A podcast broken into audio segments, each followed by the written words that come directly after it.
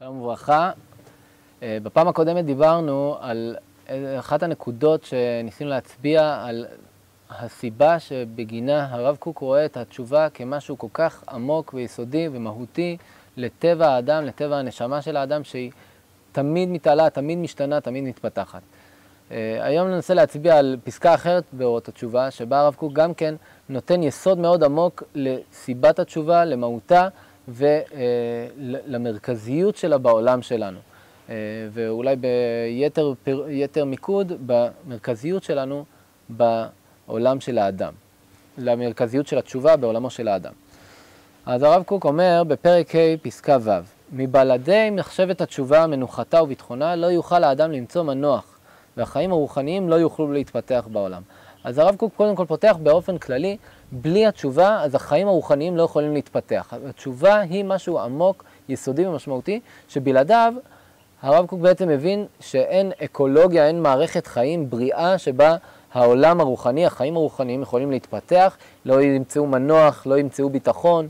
למה? אז הרב קוק מסביר.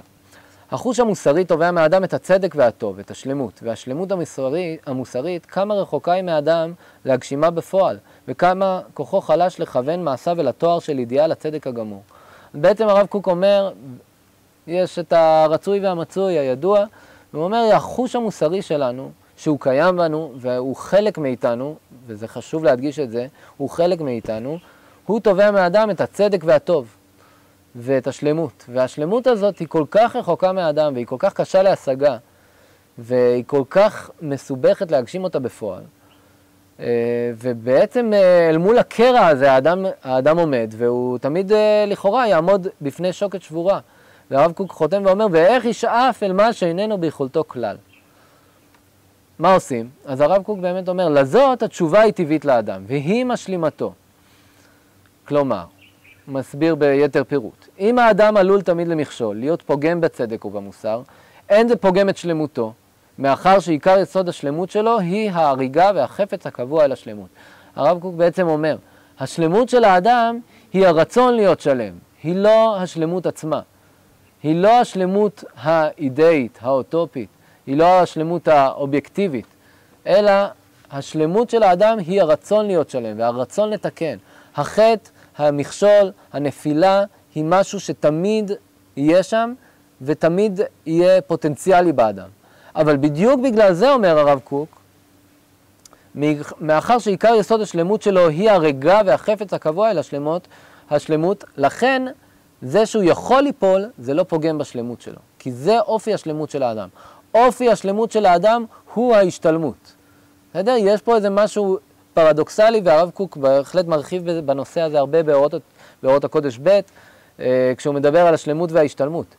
אבל מה שחשוב אה, להבין פה זה שבעצם הרב קוק מבין את התשובה כמה שנותן לאדם את השלמות הרוחנית האמיתית. כי השלמות הרוחנית האמיתית של האדם היא לא בזה שיש לו יצרים, היא לא בזה שהוא יכול ליפול, כי באמת מהבחינה הזאת אף פעם לא, אין אדם צדיק על הארץ אשר לא יחטא, אין שלמות.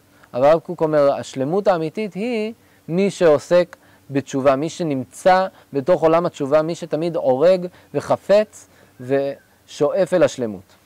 והרב קוק אומר בסוף, והחפץ הזה הוא יסוד התשובה, שהיא מנצחת תמיד על דרכו בחיים ומשלימתו באמת. בסדר? ולכן באמת התשובה היא טבעית לאדם. התשובה היא המרחב הרוחני הבסיסי, הבריא והנכון לאדם. בגלל שהיא משלימה אותו, לא בגלל, לא בגלל שהיא מכוונת אותו להיות צדיק גמור, אלא בגלל שהיא מכוונת אותו להיות בעל תשובה. במקום אחר באורות התשובה, בפרק י"ד, הרב קוק מציין אה, משהו שהוא לא הראשון שאומר את זה, אבל הוא אומר את זה בשפתו בצורה מאוד ברורה. דווקא הרצון, החפץ, הרצון להיות צדיק גמור, הוא מה שמונע מאיתנו להיות בעלי תשובה. כן? הרבה פעמים דווקא זה שאנחנו רוצים איזושהי מציאות אידאית, אנחנו רוצים להיות בעלי מידות מתוקנות, זה מה שמונע מאיתנו לעבוד עליהם ול, ולדאוג להם.